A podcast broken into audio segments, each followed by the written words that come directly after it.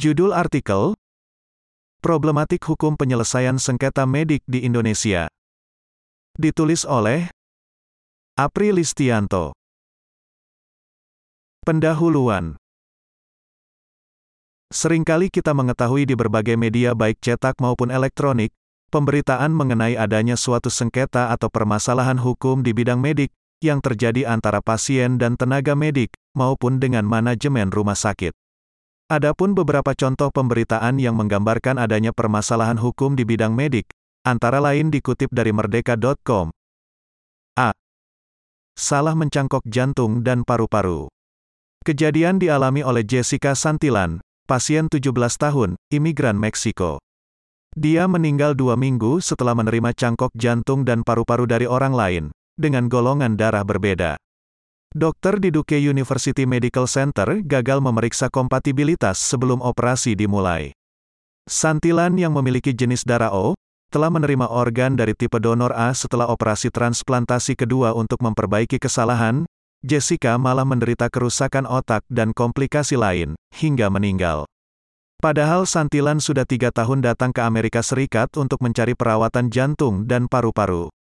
Transplantasi jantung dan paru-paru oleh dokter ahli bedah rumah sakit di Universitas Duke di Durham diharapkan akan memperbaiki kondisi ini, namun yang terjadi pasien meninggal dunia. B. Operasi testis yang salah. Kejadian ini dialami seorang veteran Air Force, yaitu Benjamin Houghton, yang mengalami gangguan di salah satu testisnya. Dia mengeluh sakit dan mengalami penurunan mentalitas dari testis sebelah kiri. Oleh sebab itu dokter memutuskan untuk menjadwalkan operasi, untuk membuang salah satu testisnya karena takut ada kanker, namun yang dibuang oleh dokter keliru. Dia justru membuang testis yang sehat, yakni sebelah kanan. Benjamin Houghton dan istrinya kemudian mengajukan ganti rugi sebesar 200 ribu dolar karena kesalahan fatal tersebut. C. Pasca operasi logam tertinggal di dalam. Kejadian yang dialami Donald Church, yang memiliki tumor di perut ketika dia berobat ke dokter ahli bedah di Universitas Washington Medical Center di Seattle, pada bulan Juni tahun 2000. Ketika dia kembali, tumor sudah tidak ada, namun sebuah logam retraktor ketinggalan di dalam perut lelaki 49 tahun itu. Dalam peristiwa ini, dokter mengakui kesalahan karena meninggalkan logam retraktor sepanjang 13 inci di dalam perut, yang kemudian dilakukan operasi pengangkatan terhadap retraktor tersebut, namun pasca pengangkatan, Donald mengalami kesakitan jangka panjang. Akibat kesalahan tersebut, rumah sakit setuju untuk membayar ganti rugi sebesar 97 ribu dolar. Beberapa berita di atas menunjukkan adanya kemungkinan terjadinya suatu peristiwa hukum antara pasien dan tenaga medik, maupun rumah sakit, yang berujung pada sengketa atau tuntutan pidana. Dalam tulisan ini akan berfokus terhadap dinamika yang terkait dengan sengketa medik. Jika kita pahami, pengertian sengketa secara etimologi yaitu sesuatu yang menyebabkan perbedaan pendapat, pertengkaran, perbantahan, dikutip dari kbbi.kemdikbud.go.id.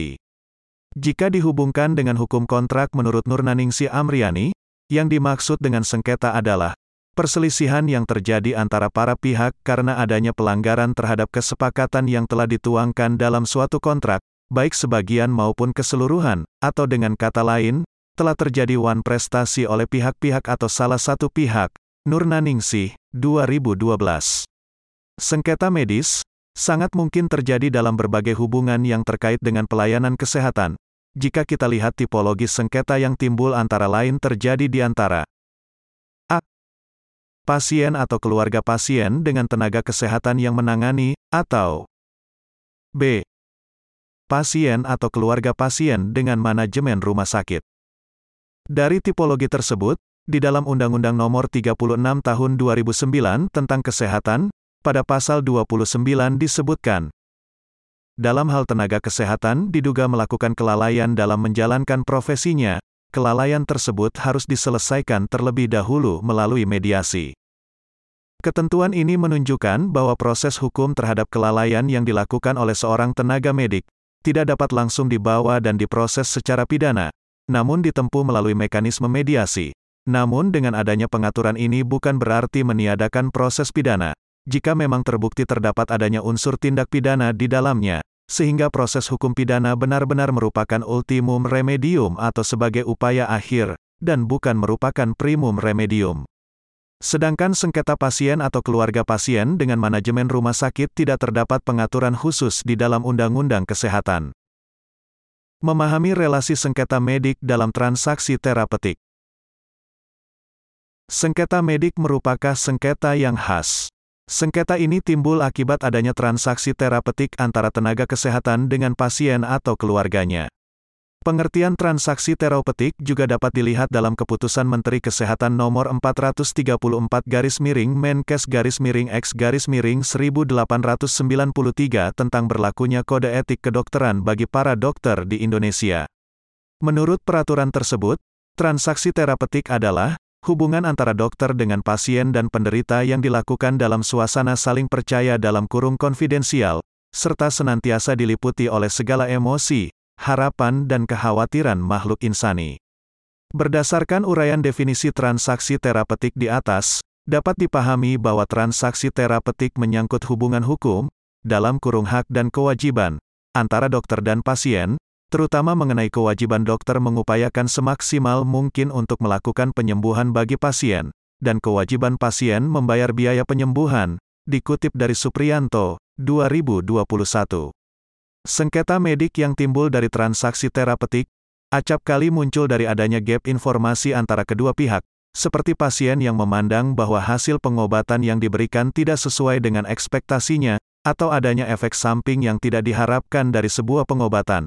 Padahal jika dicermati perjanjian terapeutik merupakan sebuah perikatan, upaya, sehingga upaya terbaiklah yang diberikan, bukan hasil terbaik yang diperjanjikan.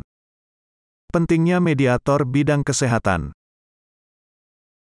jika sengketa yang timbul lebih kepada adanya perbedaan pemahaman, atau penafsiran atas suatu kejadian atau peristiwa, maka lebih tepatnya dilakukan melalui alternatif penyelesaian sengketa, hal berbeda ketika memang adanya unsur pidana di dalamnya.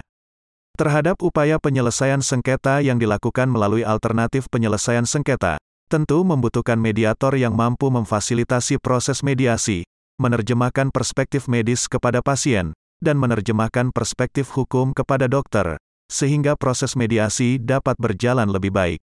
Namun proses tersebut harus tetap dilaksanakan secara netral, dan mediator hanya fokus pada proses, dan biarkan para pihak yang menentukan hasil mediasi yang akan disepakati. Dikutip dari Ninis dan kawan-kawan, 2020, halaman 282. Oleh sebab itu, dibutuhkan pengaturan yang ada saat ini, harus didukung dengan pengaturan yang lebih bersifat operasional untuk mengatur lebih lanjut pasal 29 Undang-Undang Kesehatan. Kita tidak mungkin hanya mengandalkan pada pengaturan yang terdapat pada Undang-Undang Nomor 30 Tahun 1999 tentang arbitrase dan alternatif penyelesaian sengketa, ataupun mengandalkan pada kesepakatan para pihak dalam menunjuk seorang mediator, karena hubungan terapeutik menempatkan kedudukan pasien secara sosiologis, psikologis dan pengetahuan terhadap tindakan medis, lebih rendah dibandingkan dengan dokter yang menanganinya. Dengan adanya pengaturan lebih lanjut maka seorang mediator harus memiliki pengalaman, keterampilan, pengetahuan dan kepekaan budaya untuk situasi konflik tertentu. Mediator harus dianggap objektif, tidak memihak dan berwibawa serta menjadi orang yang berintegritas, dikutip dari Ninis, dan kawan-kawan, 2020, halaman 280. Indikator objektivitas antara lain harus bebas dari masalah benturan kepentingan, atau conflict of interest, dan tidak boleh membiarkan faktor yang diketahuinya menjadikan pertimbangannya cenderung kepada salah satu pihak. Dikutip dari Ninis, dan kawan-kawan, 2020, halaman 280.